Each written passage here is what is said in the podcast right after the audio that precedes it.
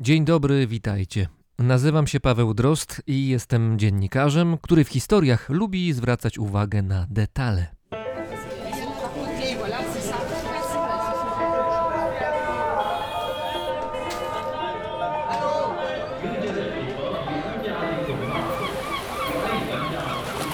Brzmienie świata z lotu Drozda.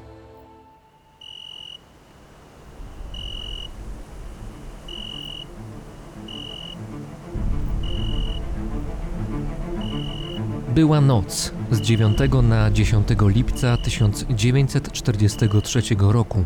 Na Sycylii, mimo porywistego wiatru, ludzie spodziewali się tego co zwykle świętego spokoju. A była na to szansa, ponieważ nieco wcześniej większość kluczowych oddziałów niemieckich przerzucona została na Sardynię i Korsykę. To tam Hitler spodziewał się głównej inwazji aliantów i to tam zamierzał się bronić.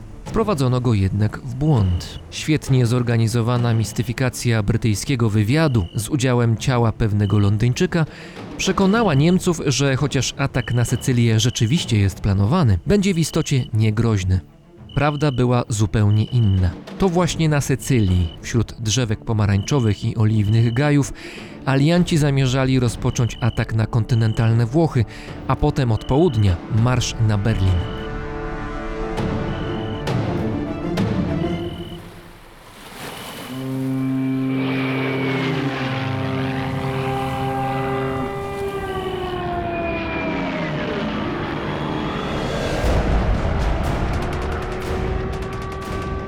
Tej lipcowej nocy, w bardzo trudnych warunkach pogodowych, rozpoczęła się inwazja z morza i z powietrza. Na nocnym niebie widoczne były setki czasz spadochronów, a do wybrzeża płynęły jednostki pełne żołnierzy. Kapryśna pogoda przeszkadzała zarówno atakującym Amerykanom i Brytyjczykom, jak i broniącym się Włochom i Niemcom. Po stronie aliantów wielokrotnie dochodziło do pomyłek i ostrzału własnych jednostek.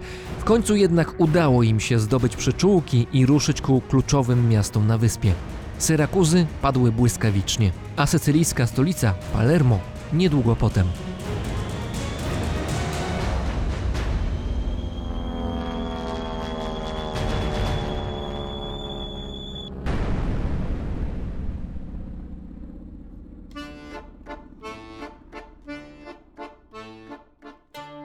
Wojska niemieckie zdołały ewakuować się z Sycylii, a alianci mogli mówić przynajmniej o częściowym sukcesie. Po ich stronie walczyło ponad 150 tysięcy żołnierzy. Nie byli jednak sami. Wspierały ich osły. I nie ma tu metafory. Jak się ocenia, od lipca 1943 roku do końca wojny na włoskim froncie we współpracy z wojskiem pracowało do 4000 tych zwierząt. Znakomicie sprawdzały się na Sycylii, która przez wieki nie doczekała się rozwiniętego systemu dróg i nie był to ani pierwszy, ani ostatni przypadek, gdy osły zostawiły ślad w historii człowieka. O osłach będzie mowa w tym odcinku, ale nie tylko. Za chwilę zatrzymamy się w RPA. Now when the money's in system, ain't no telling blood, second nature. So they keep chasing to get paid and run, huh? It ain't the code of the streets, it's the code of the meek that inherited embezzling the seller for cheap. From the thieves to the presidency and etc. We are drenched by the stench of extra currency. That's just how it be. We get by on a dream and only sleep 20 hours a week. Trying to balance our needs against the company's greed. Cause a working class hero is something to be.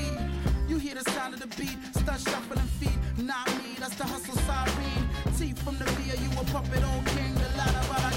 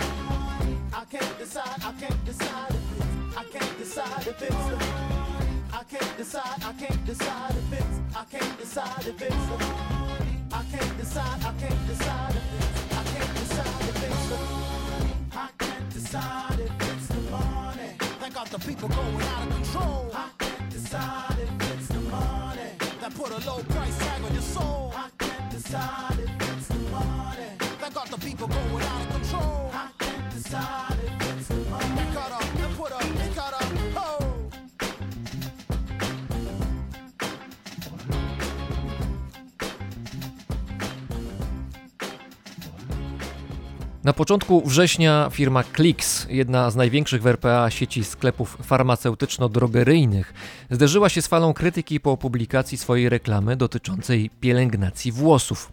Na reklamie, która występuje w kilku wersjach, zestawiono dwa obrazy. Na pierwszym widać zbliżenie włosów kobiety, ewidentnie czarnoskórej. Jest też napis poskręcane, suche, zniszczone włosy. Obok jest drugi obrazek. Widać włosy białej kobiety, włosy blond i napis, który informuje, że to są włosy normalne, równe, prawidłowe i zadbane. Po publikacji tej reklamy zareagowali politycy i zwykli ludzie. Rozpoczęły się protesty przed sklepami sieci Klix. Czasem nawet dochodziło do aktów wandalizmu. Sklepy zostały tymczasowo zamknięte, a szef firmy przeprosił za reklamę, którą wielu nazywało rasistowską.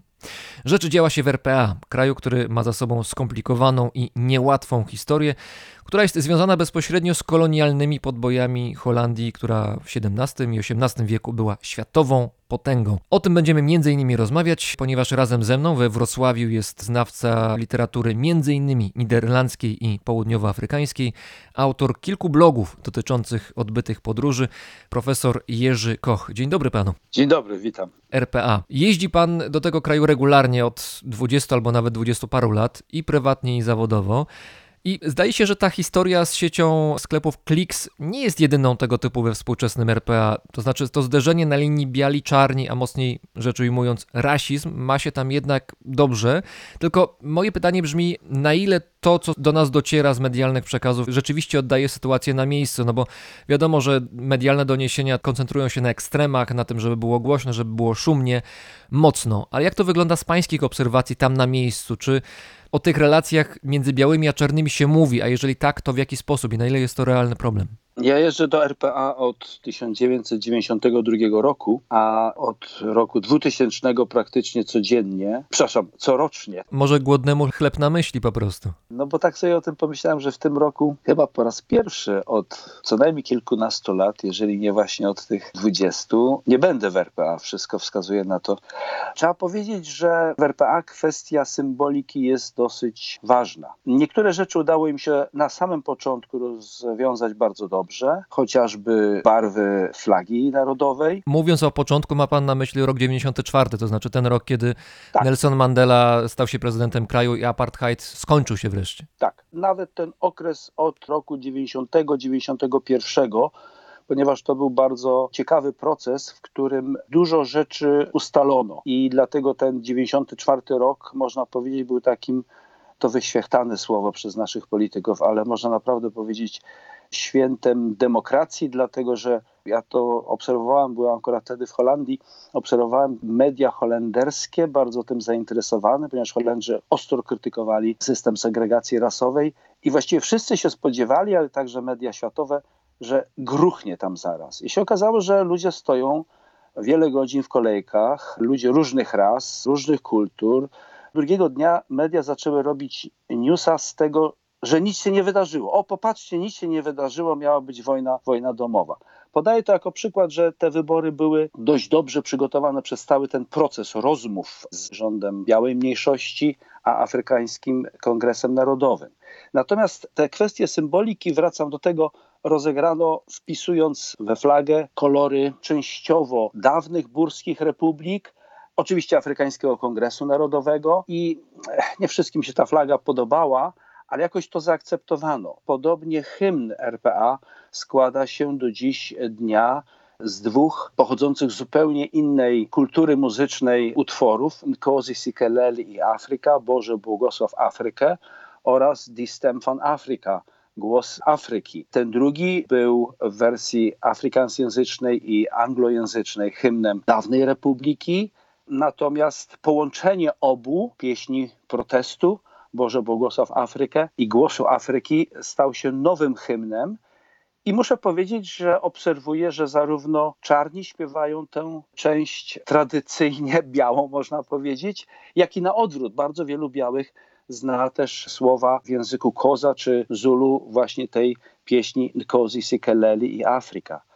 I funkcjonuje to dosyć dobrze. Natomiast jeżeli z tego poziomu symboliki państwowej, narodowej schodzimy niżej, to szczególnie w ostatnich latach można powiedzieć, że następuje taka pewna emocjonalna, nie wiem jak to nazwać, taki backlash, coś, coś w rodzaju takiej, takiej cofki.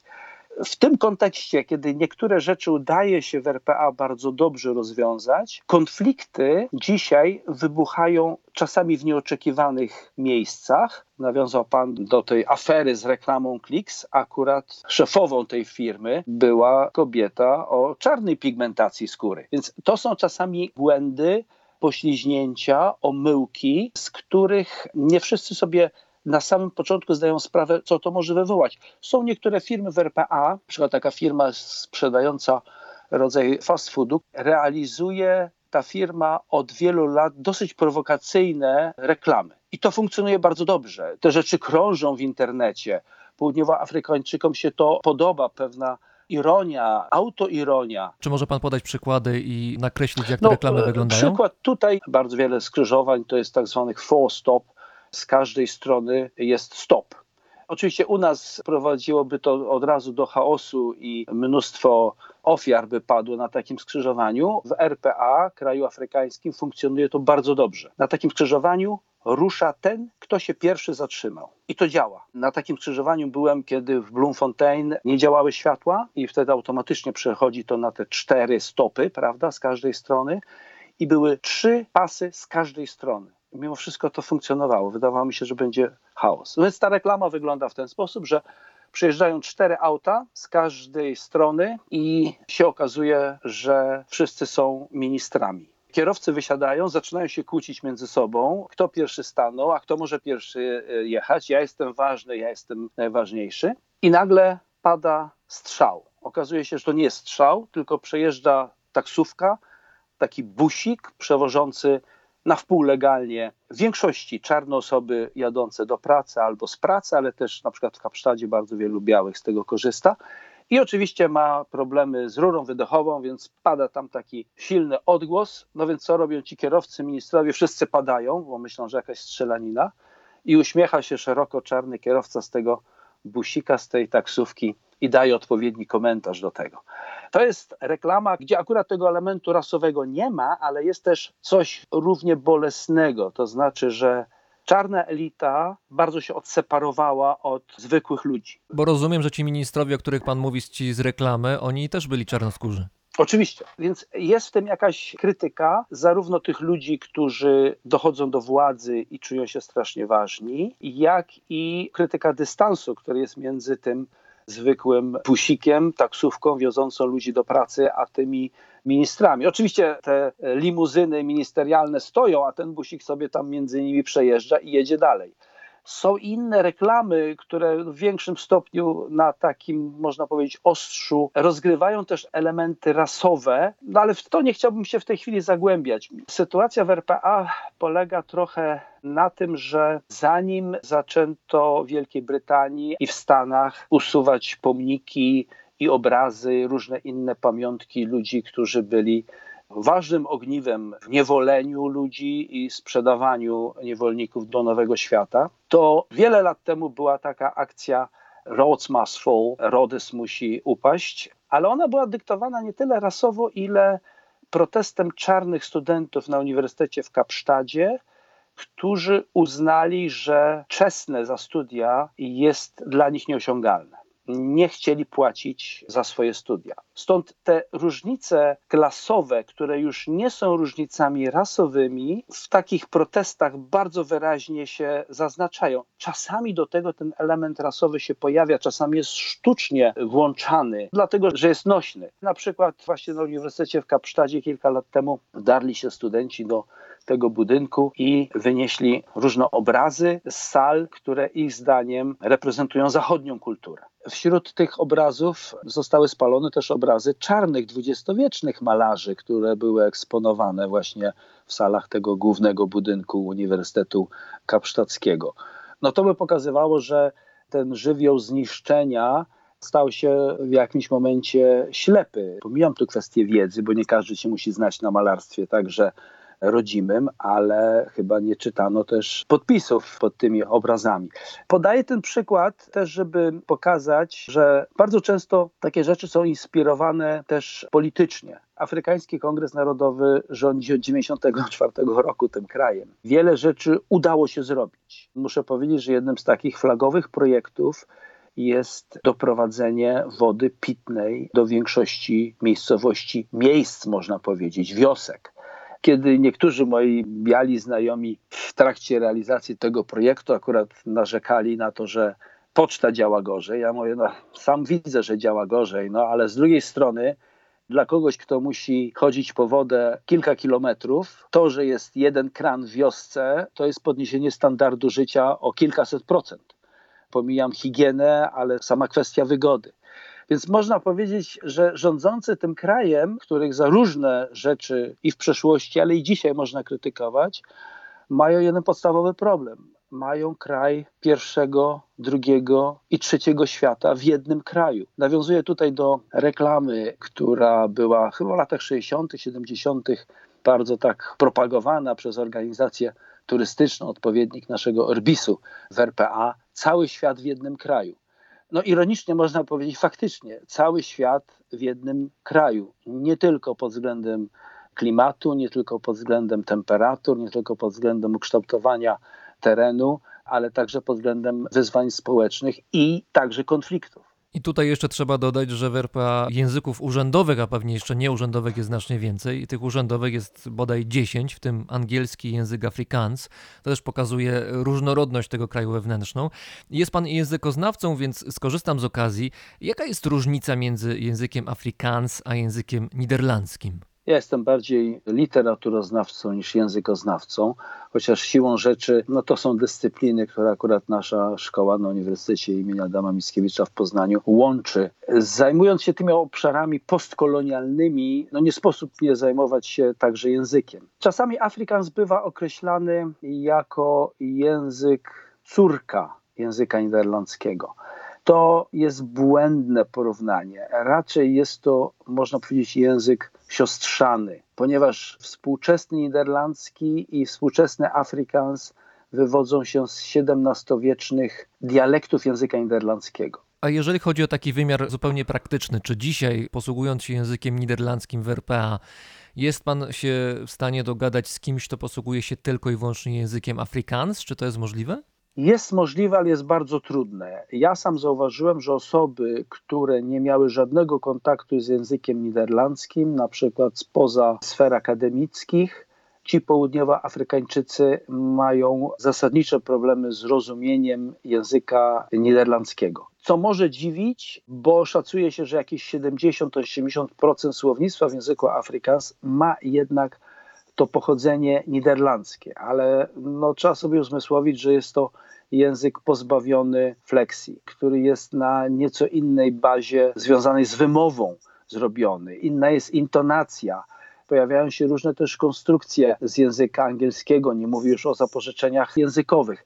Można powiedzieć tak, z białym, wykształconym południowoafrykańczykiem mógłby się Holender względnie dobrze zrozumieć, ale chyba nie lepiej niż my z Chorwatem. Natomiast tenże biały Holender miałby problemy ze zrozumieniem koloreda południowoafrykańczyka w Kapsztadzie, jak i tenże ze zrozumieniem Holendra.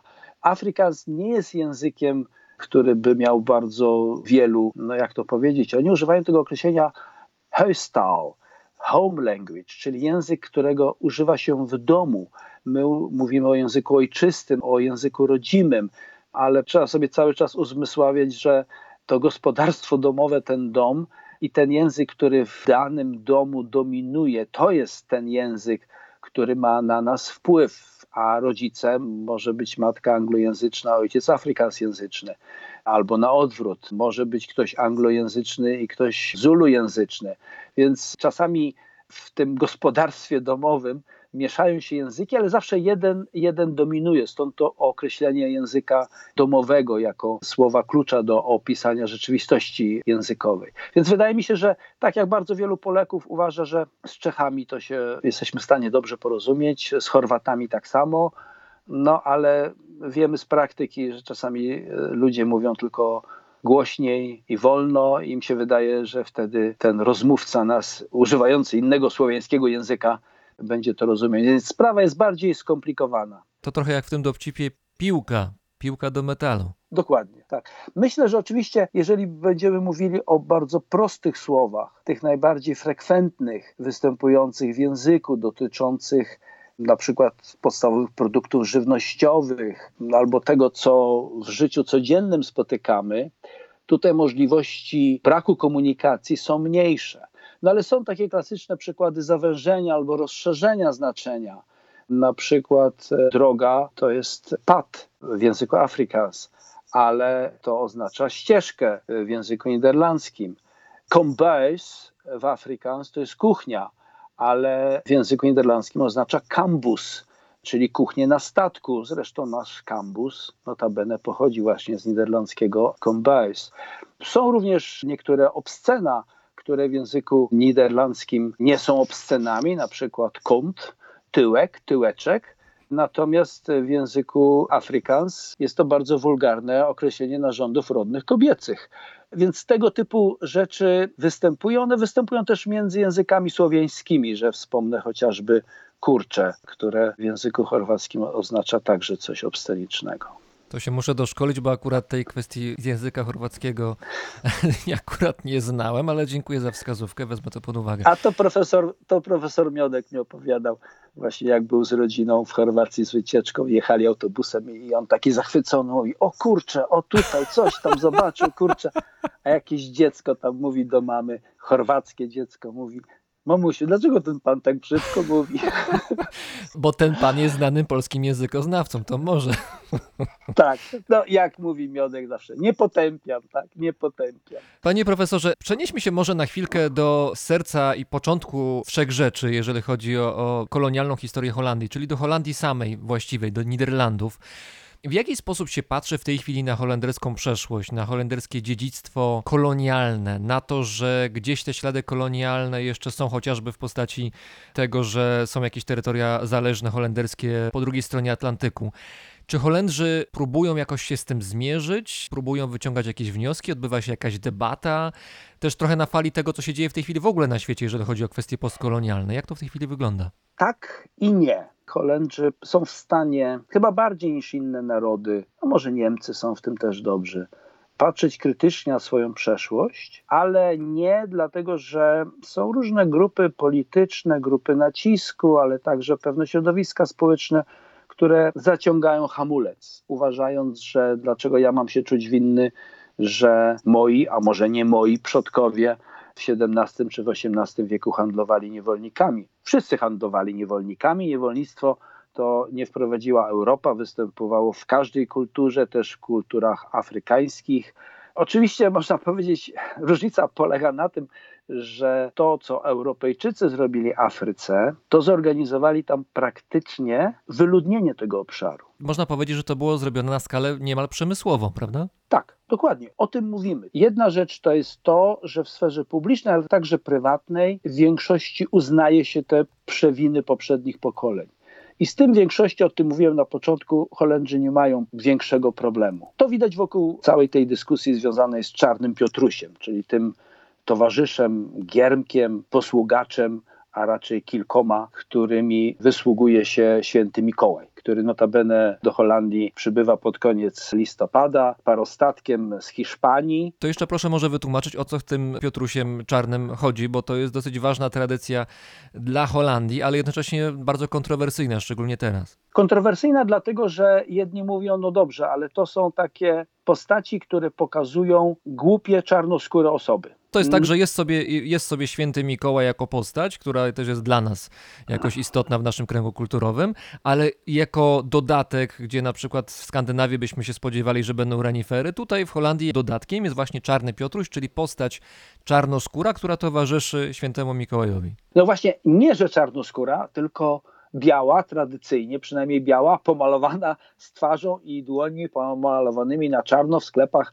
Można było jeszcze do niedawna, nie wiem jak jest w tej chwili, kupić taką specjalną pastę do smarowania się i ten czarny Piotruś albo kilkoro biega naokoło, rozrzuca paper notes, czyli małe takie pierniczki albo jakieś słodycze wśród dzieci. Wygłupiają się, zaczepiają, mają taki charakterystyczny strój, który przypomina trochę strój pazia. Ta tradycja powstała de facto w XIX wieku, ale można powiedzieć, większość naszych tradycji, które uważamy za wielowiekowe, to są tradycje XIX-wieczne, sama koncepcja narodu.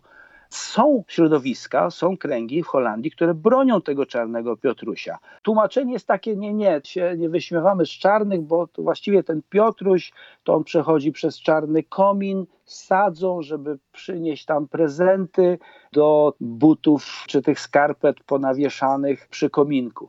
Ja sam wiele lat temu uważałem to za względnie niewinną formę, dzisiaj no, tę tradycję odrzucam. No, wydaje mi się, że to jest akurat ta część dziedzictwa, której Holendrzy nie muszą się tak kurczowo trzymać.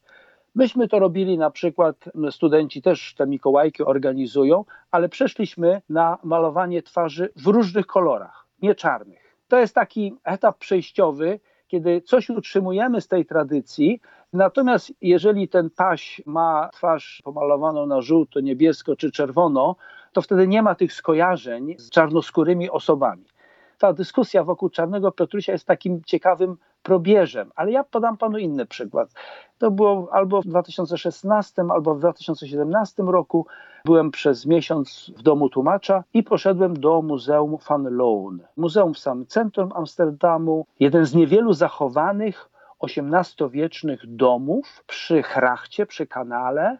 Wchodzi się do tego domu, z tyłu jest ogród, a za ogrodem jest powozownia i stajnia, która graniczy z ulicą z tyłu. Dzisiaj takich elementów architektonicznych prawie już nie ma, one, one zginęły. Oczywiście to byli bardzo bogaci ludzie, ta rodzina Van Loon, więc był ogród, była ta powozownia z tyłu. W samym centrum Amsterdamu możemy sobie wyobrazić nie tylko dzisiaj, ale także w XVIII wieku to kosztowało fortunę.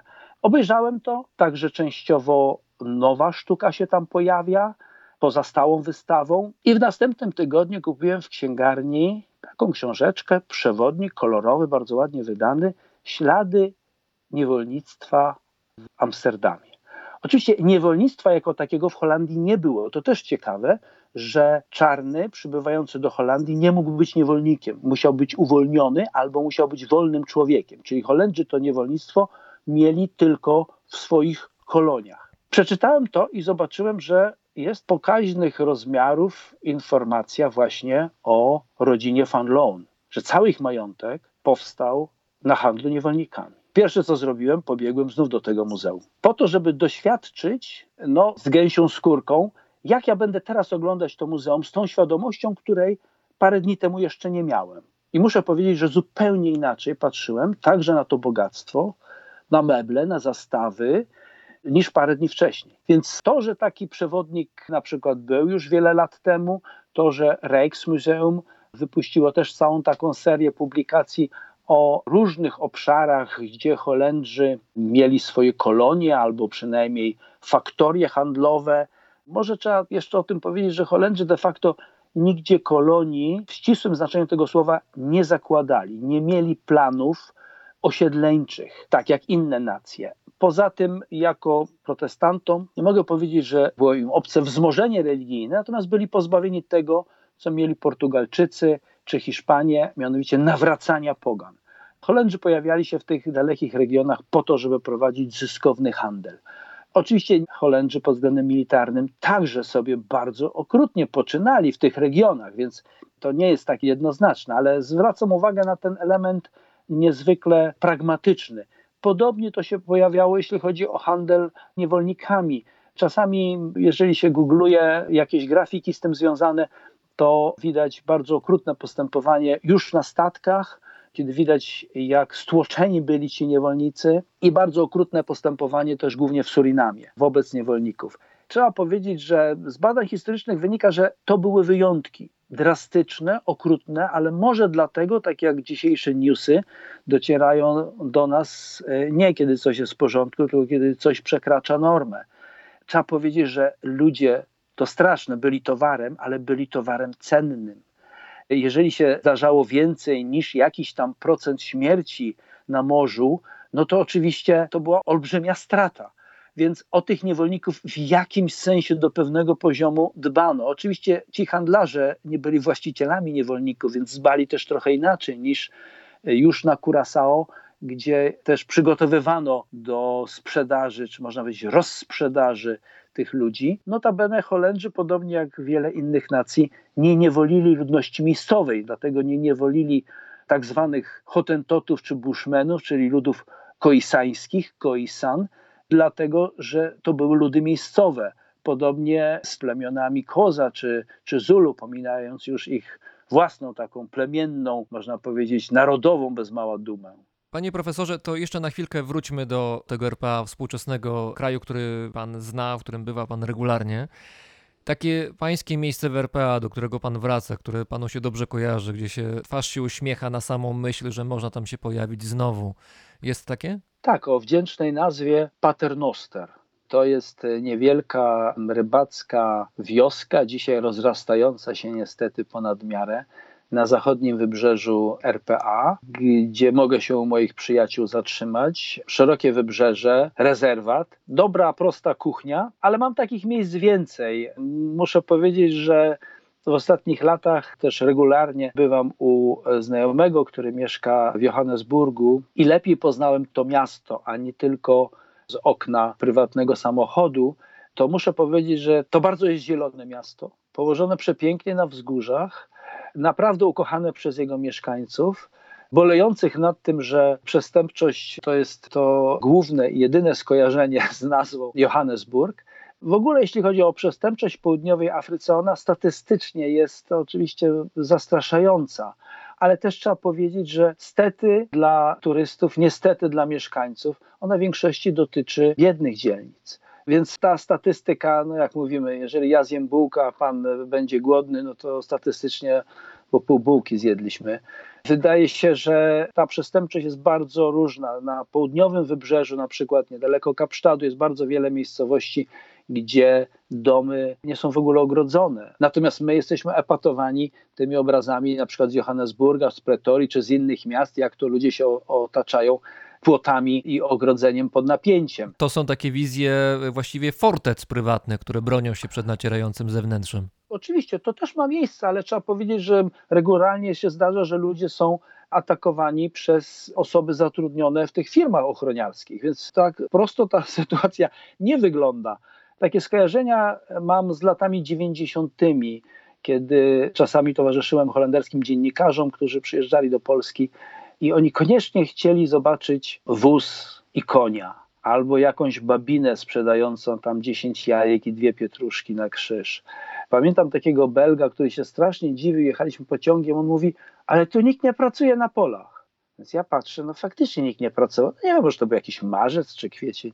Mówię, wiesz co, no ale, ale widzisz, że są jakoś zadbane te pola, coś jest tam chyba zasiane, coś rośnie. Mówi, no tak, ale nikt nie pracuje.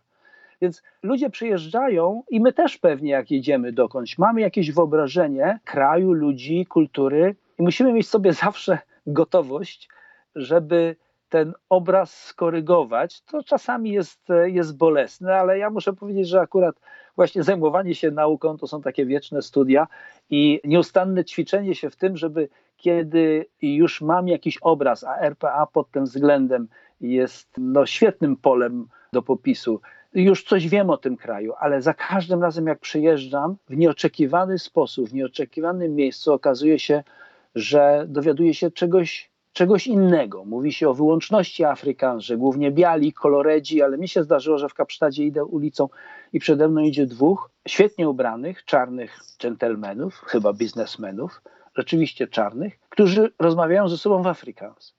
Można powiedzieć, okej, dobra, coś z moim spojrzeniem na to, kto i kiedy posługuje się tym językiem, musi zostać skorygowane.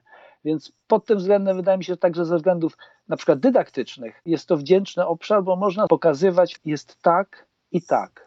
Ale to jest nie tylko jedna i druga strona, ale jest i trzecia, a może czwarta, i jest jakaś, jest jakieś ukryte dno w tym wszystkim. Jest jakaś powała i strych, o którym nie myśleliśmy, że, że jest. No i wtedy człowiek się gdzieś uczy czegoś, żeby być takim uwrażliwionym, uczy się pewnej uważności, którą może później stosować we własnej kulturze.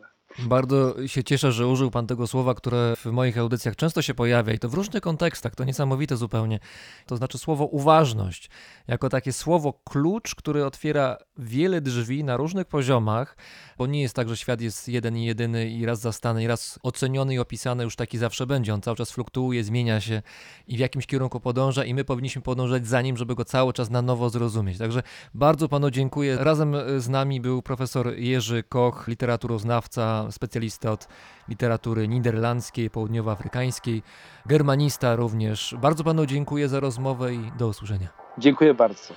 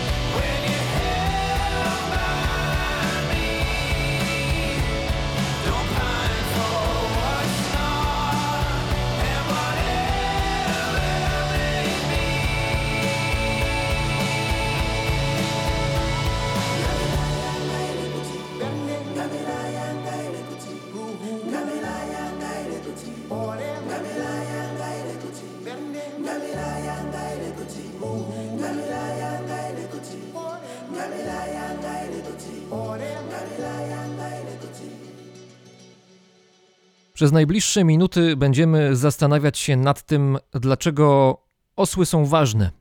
I nie, nie będę próbował przekonywać, że większość osób zasiadających w ławach przy ulicy Wiejskiej w Warszawie warta jest naszego czasu. Nie, nic z tych rzeczy. Staram się nie podejmować misji skazanych na porażkę. Sednem rozmowy, którą za chwilę usłyszycie, będą osły prawdziwe. Te, które mają cztery nogi, długie uszy i ogon. Te, które towarzyszą ludziom od wieków, zanim zaprzyjaźniliśmy się z końmi.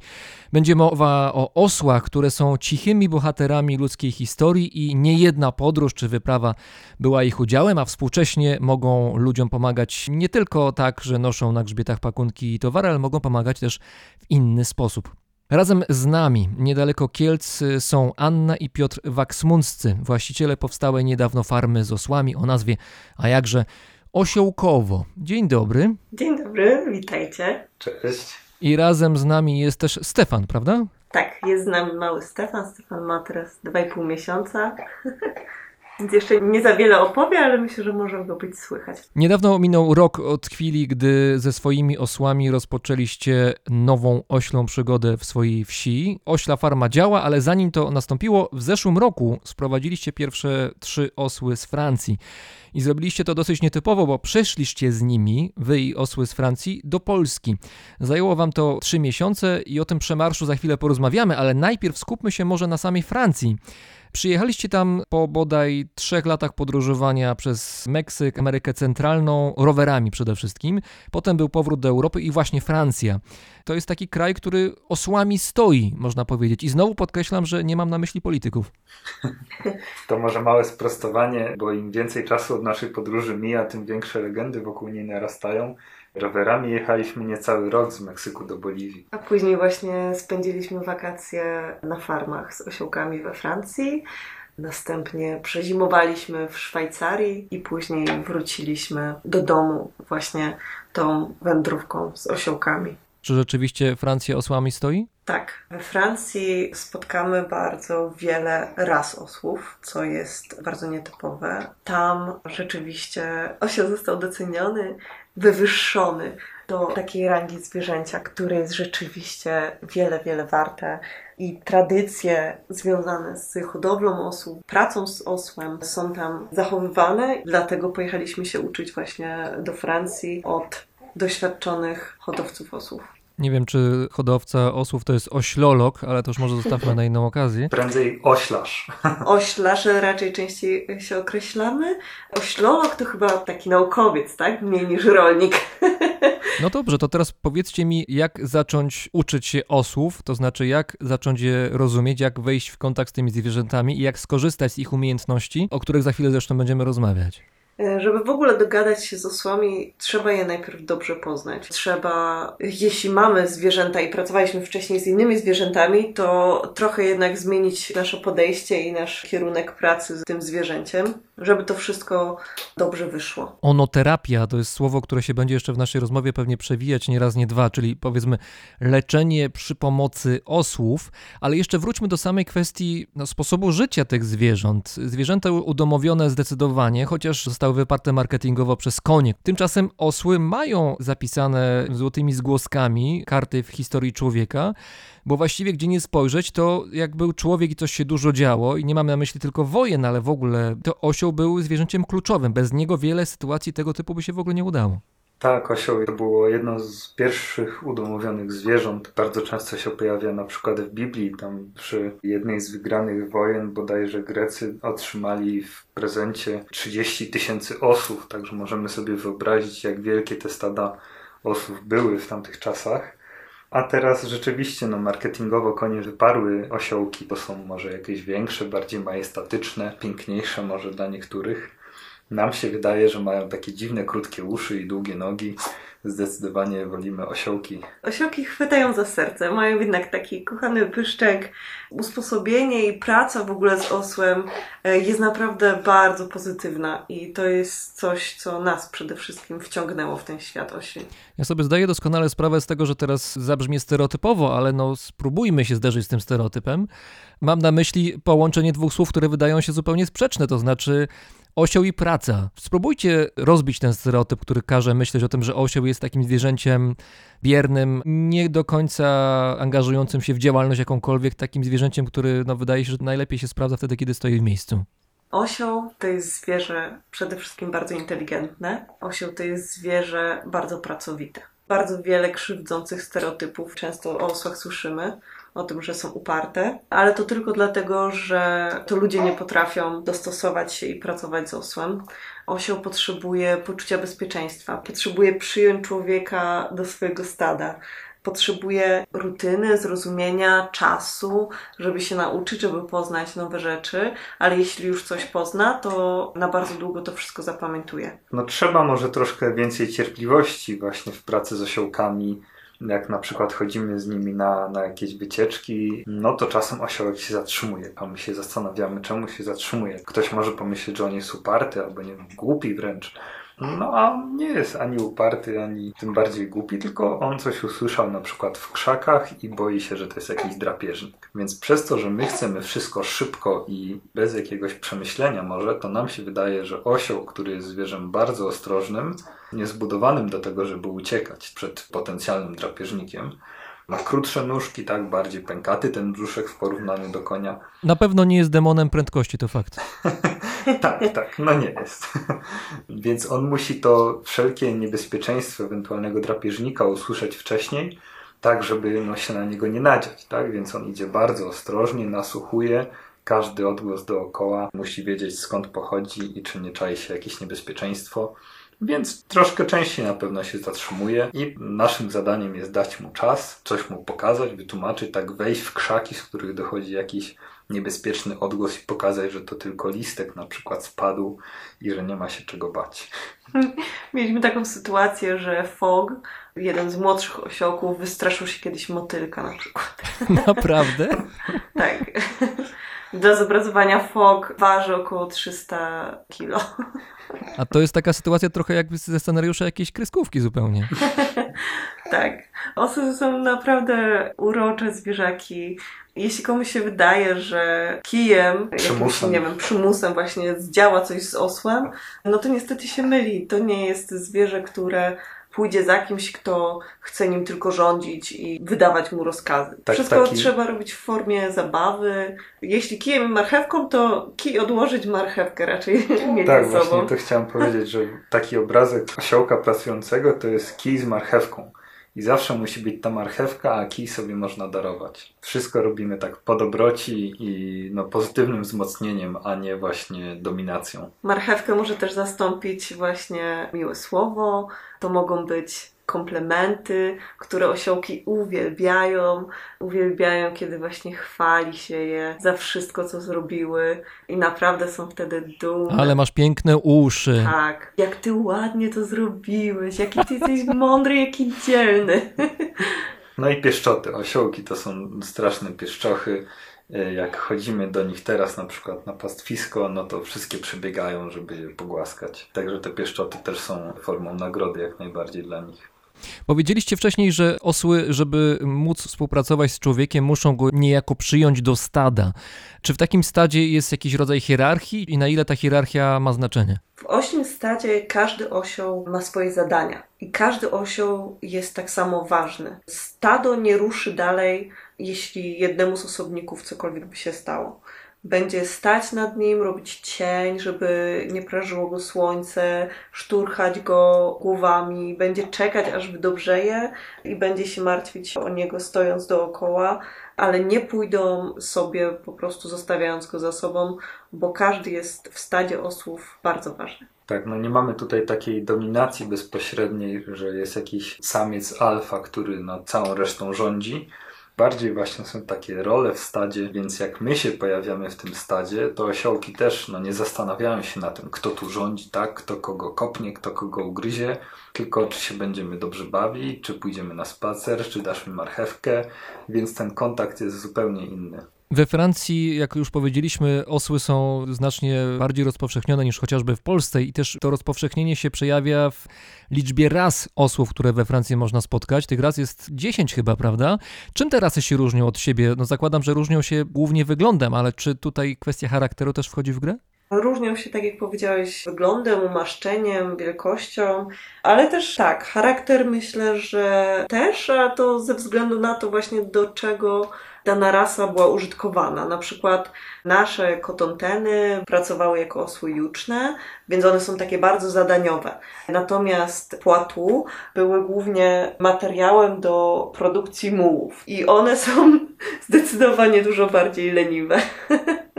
Widać te pokolenia, które stały tylko i czekały na swój moment i nie dostawały zbyt dużo zadań do wykonania. Są takimi łagodnymi olbrzymami. W zeszłym roku z Francji przeszliście z trzema osłami do Polski. To był głównie marsz trzymiesięczny. Jak wybraliście te trzy osły, które potem stały się zalążkiem waszego polskiego stada? To tak nie do końca my je wybraliśmy, tylko hodowca, od którego osiołki kupiliśmy. Klot właśnie odchodził na emeryturę w tamtym czasie i on nam podpowiedział, no znając swoje osły dużo lepiej niż my, pomimo że tam spędziliśmy kilka tygodni u niego na wolontariacie, on podpowiedział, które w takiej wędrówce najbardziej by się sprawdziły. To był właśnie Coco, Bonhomme i Fog. Claude idealnie dobrał osiołki pod względem też ich upodobań i też tego właśnie w jakim tempie się poruszają. A w jakim tempie się chodzi z osłami, poza tym, że wolno? Idąc szliśmy około 4 km na godzinę, aczkolwiek po pierwszej godzinie naszego marszu zwykle stawaliśmy na 15-20 minut, żeby osiołki sobie zjadły. Więc ciężko tu mówić o takiej rzeczywistej średniej prędkości, bo też jakieś przeszkody, które bez osiołków idąc, na przykład samym plecakiem, byśmy po prostu przeszli i nie zwrócili nawet na nie uwagi, typu przewrócone drzewo, czy jakaś kładka, czy strumyk, a z osiołkami no, zajmowało to sporo więcej czasu, bo osiołki bardzo nie lubią wody, więc widząc strumyk rzekę się zatrzymywały i musieliśmy im dać troszkę czasu, żeby się zaznajomiły z tą sytuacją, że my naprawdę musimy przejść przez ten straszny strumyk i no, zajmowało to czasem 15 minut, czasem pół godziny, żeby przez jakąś rzeczkę przejść. Więc nie poruszaliśmy się w jakimś zawrotnym tempie, ale za to była to wędrówka bardzo przyjemna, z wieloma postojami, na łonie natury, bo unikaliśmy bardziej zatłoczonych miejsc. No, na, nam się wybitnie nigdzie nie śpieszyło.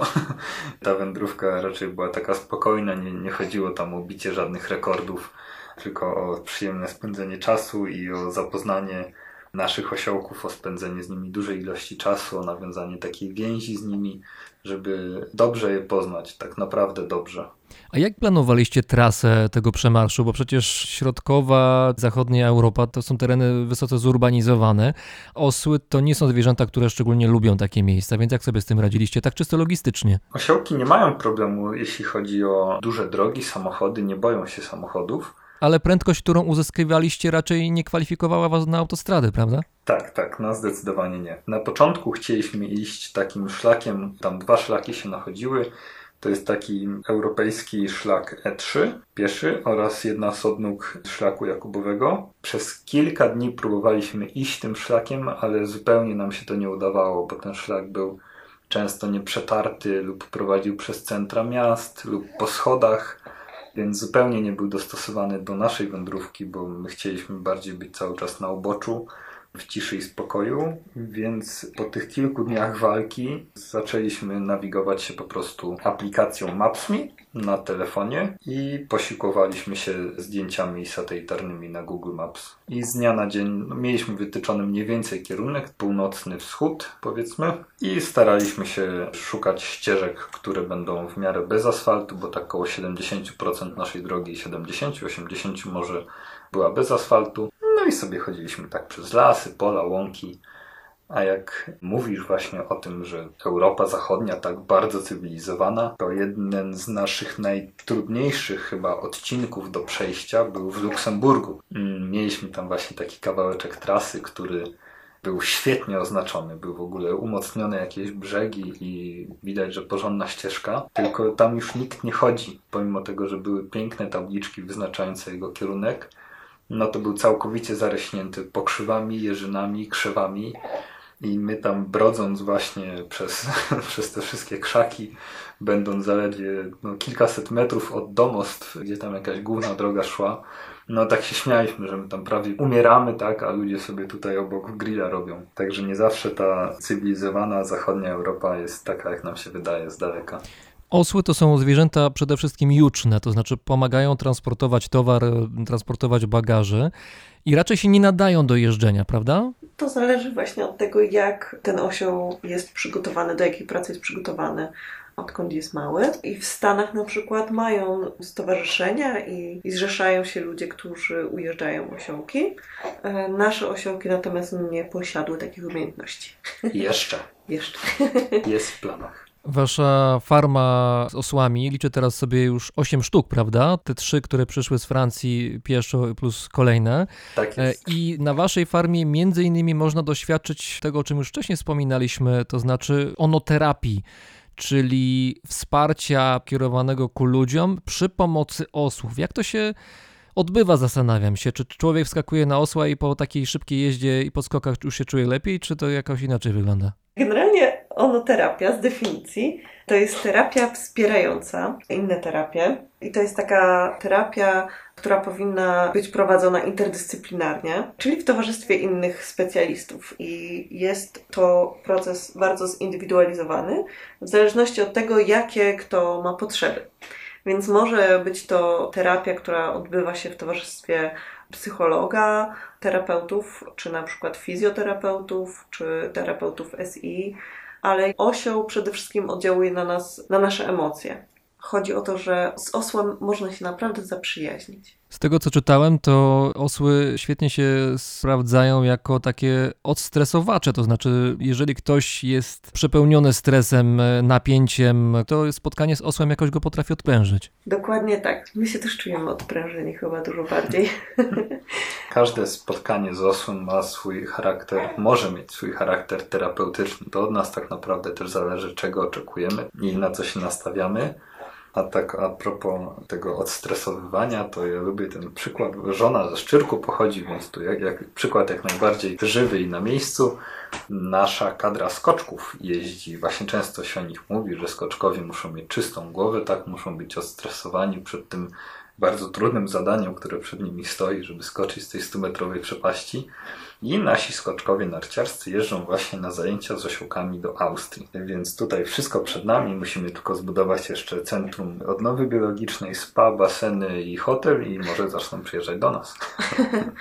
To był żart, bo nie chcemy tutaj żadnego wielkiego kompleksu turystycznego tworzyć, ale jeszcze odnosząc się do noterapii, tutaj sprawdza się właśnie to powiedzenie, z kim przystajesz, takim się stajesz i rzeczywiście przy osiołku można się naprawdę zrelaksować, bo to jest takie bardzo spokojne zwierzę, ostrożne w każdym swoim ruchu, ale też takie o miłym usposobieniu, które bardzo chętnie spędza czas z człowiekiem i to nam schlebia, że ten osiołek tak chętnie przy nas sobie stoi i tak bardzo lubi nasze towarzystwo. No, Osioł nie ocenia, lubi nas takich, jakimi jesteśmy.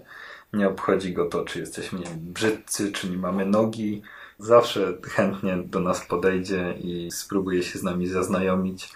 Jak ja się z żoną kłócę, to ja później idę do osiołków najchętniej, bo się uspokoję i wrócę szczęśliwy. Ja sobie od razu wyobraziłem tych polskich skoczków narciarskich, którzy na jakiejś wysokiej wieży tuż przed skokiem konsultują się z jakimś osłem, który tam terapeutycznie stoi obok, żeby ewentualnie ich wspierać. Głaszczę osiołka.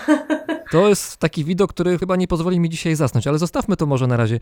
Jak to w praktyce wygląda takie ostresowywanie? Jestem człowiekiem, powiedzmy, typu menadżer w dużej firmie. Mam już naprawdę wszystkiego dość. Terminy gonią, jest naprawdę ze mną źle. Przyjeżdżam i mówię, dzień dobry, mam problem, chcę się odstresować. I co, wpuszczacie w tym momencie za ogrodzenie, gdzie pięć osiołków sobie stoi i potem zostawiacie takiego delikwenta i po pięciu godzinach takiego stania z tymi osłami już jest zdrowy jak młody Bóg? Coś w tym stylu. Fajnie to opisałeś, fajnie. Tak, no to od samego, powiedz nie pięć, ale osiem. tak naprawdę już od momentu przyjazdu do nas można zacząć to stresowywanie się. Jest cisza, spokój, można posłuchać sobie ptaków. Takie spotkanie z osiłkami to jest naprawdę bardzo prosta rzecz. Jeśli cię stresują na co dzień to, że masz milion zadań do wykonania, to dlaczego na przykład przyjeżdżając do osiłków chciałbyś mieć kolejne zadanie? To co ja mam tu robić? Dajcie mi skrypt. Ale nie jest tak i tak naprawdę masz zapomnieć o tym, że musisz coś zrobić albo wykonać jakieś zadania. Masz po prostu być, czerpać z tego towarzystwa i obserwować, tak naprawdę wtopić się w tą naturę, w to zwierzę, które jest obok ciebie, w siebie.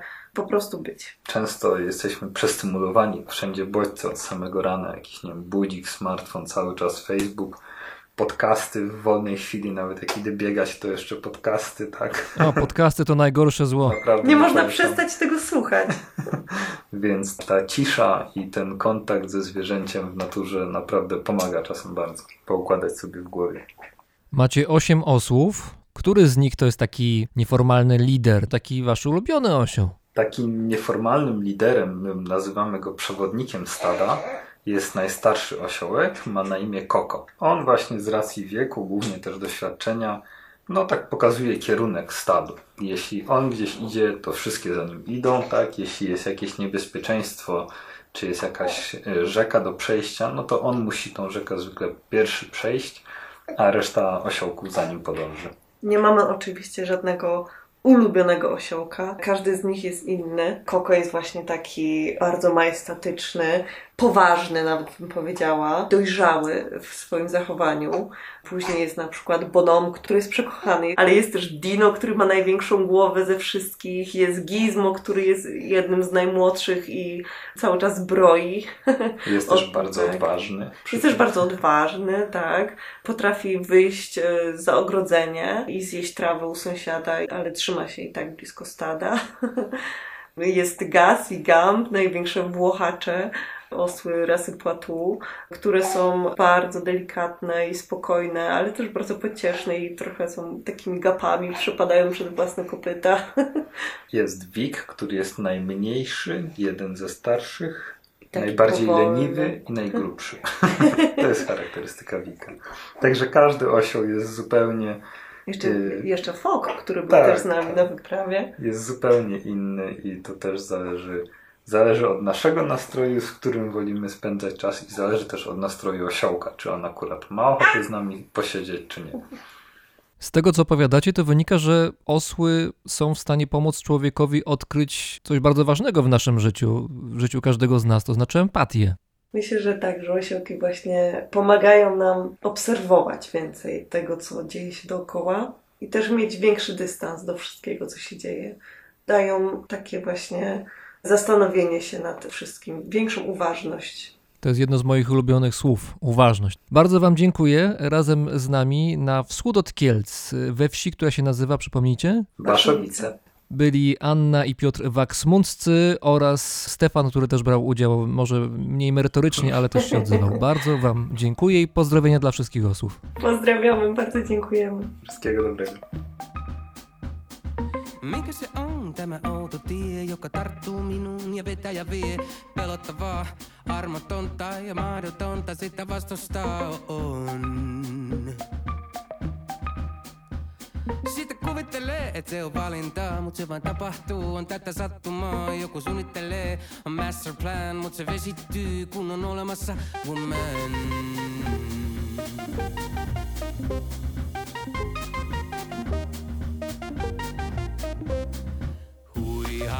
kuka ties, täällä olen pieni mies. Jos kerran imaiset, niin vedä sitten kunnolla. Hui hai, kuka ties, täällä olen pieni mies. Ota minut mukaasi, mä haluan olla onnellinen.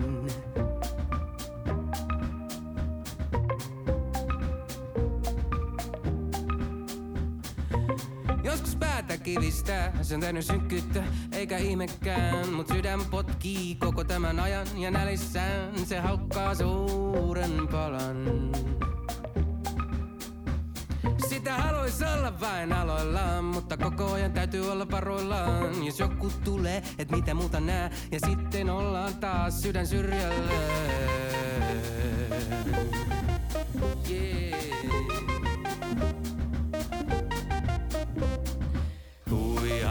Kuka ties, täällä olen pieni mies. Jos kerran imaisit, niin vedä sitten kunnolla.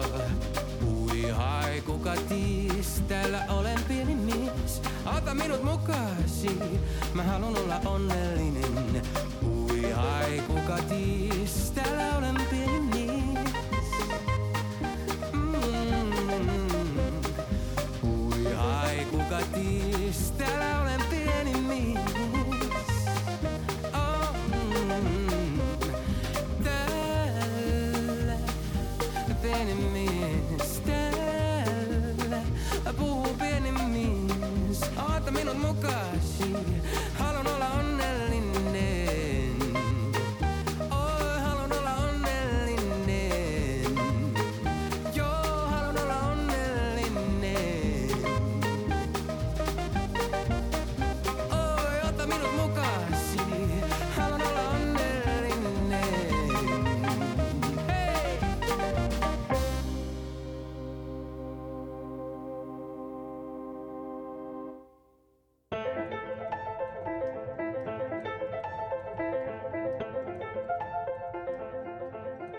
Słuchaliście brzmienia świata z lotu Drozda. Składam wielkie podziękowania wszystkim wspierającym moją audycję, mój podcast na Patronite. I dla Was oraz dla słuchaczy brzmienia świata stworzyłem właśnie na Spotify dwie playlisty z piosenkami, które są moim zdaniem warte zauważenia. Szukajcie ich pod hasłami Brzmienie świata Chill Out oraz Brzmienie świata Party Time. Niech muzyka będzie z Wami.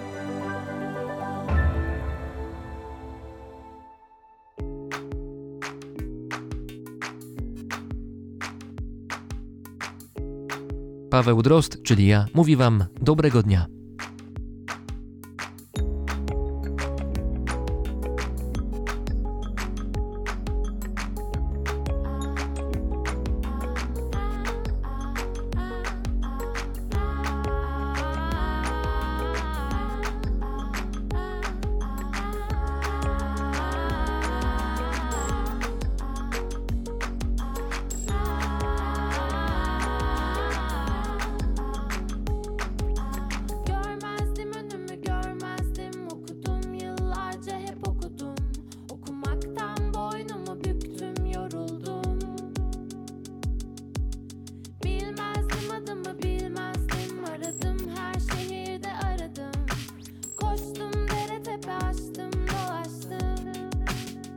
Kimin